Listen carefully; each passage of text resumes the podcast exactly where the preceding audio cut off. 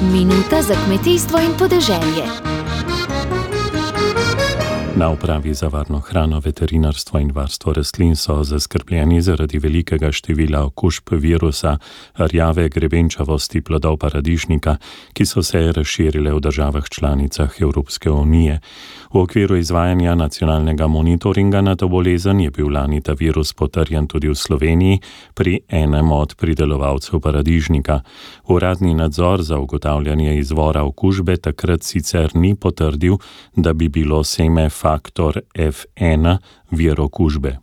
Uprava za varno hrano, veterinarstvo in varstvo rastlin je zato že 18. augusta lani z odločbo določila razmejeno območje in ukrepe, ki jih mora pridelovalec plodov paradižnika, paprike in feferonov v tem območju izvajati.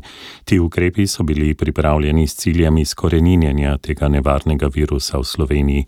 Virus se na daljše razdalje prenaša s sadikami in semenom ter plodovi ker je bil pred leti z uvoženim semenom unesen tudi v Evropsko unijo, je Evropska komisija predpisala nujne ukrepe za preprečevanje vnosa in njegovega širjenja znotraj unije.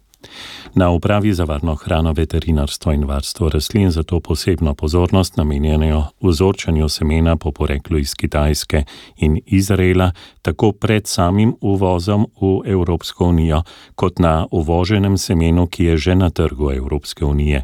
Na semenu znamenja okužbe virusa niso opazna in zato se njegovo navzočnost lahko potrdi le s testiranjem reprezentativnega vzorca.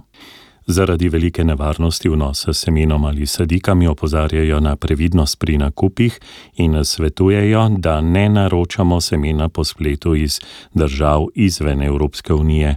Pri spletnih nakupih znotraj Evropske unije mora semena in sadike spremljati rastlinski potni list, ki potrjuje, da so sadike in semena zdrava, tako kot mora semena ob uvozu spremljati tudi fitosanitarno spričevalo.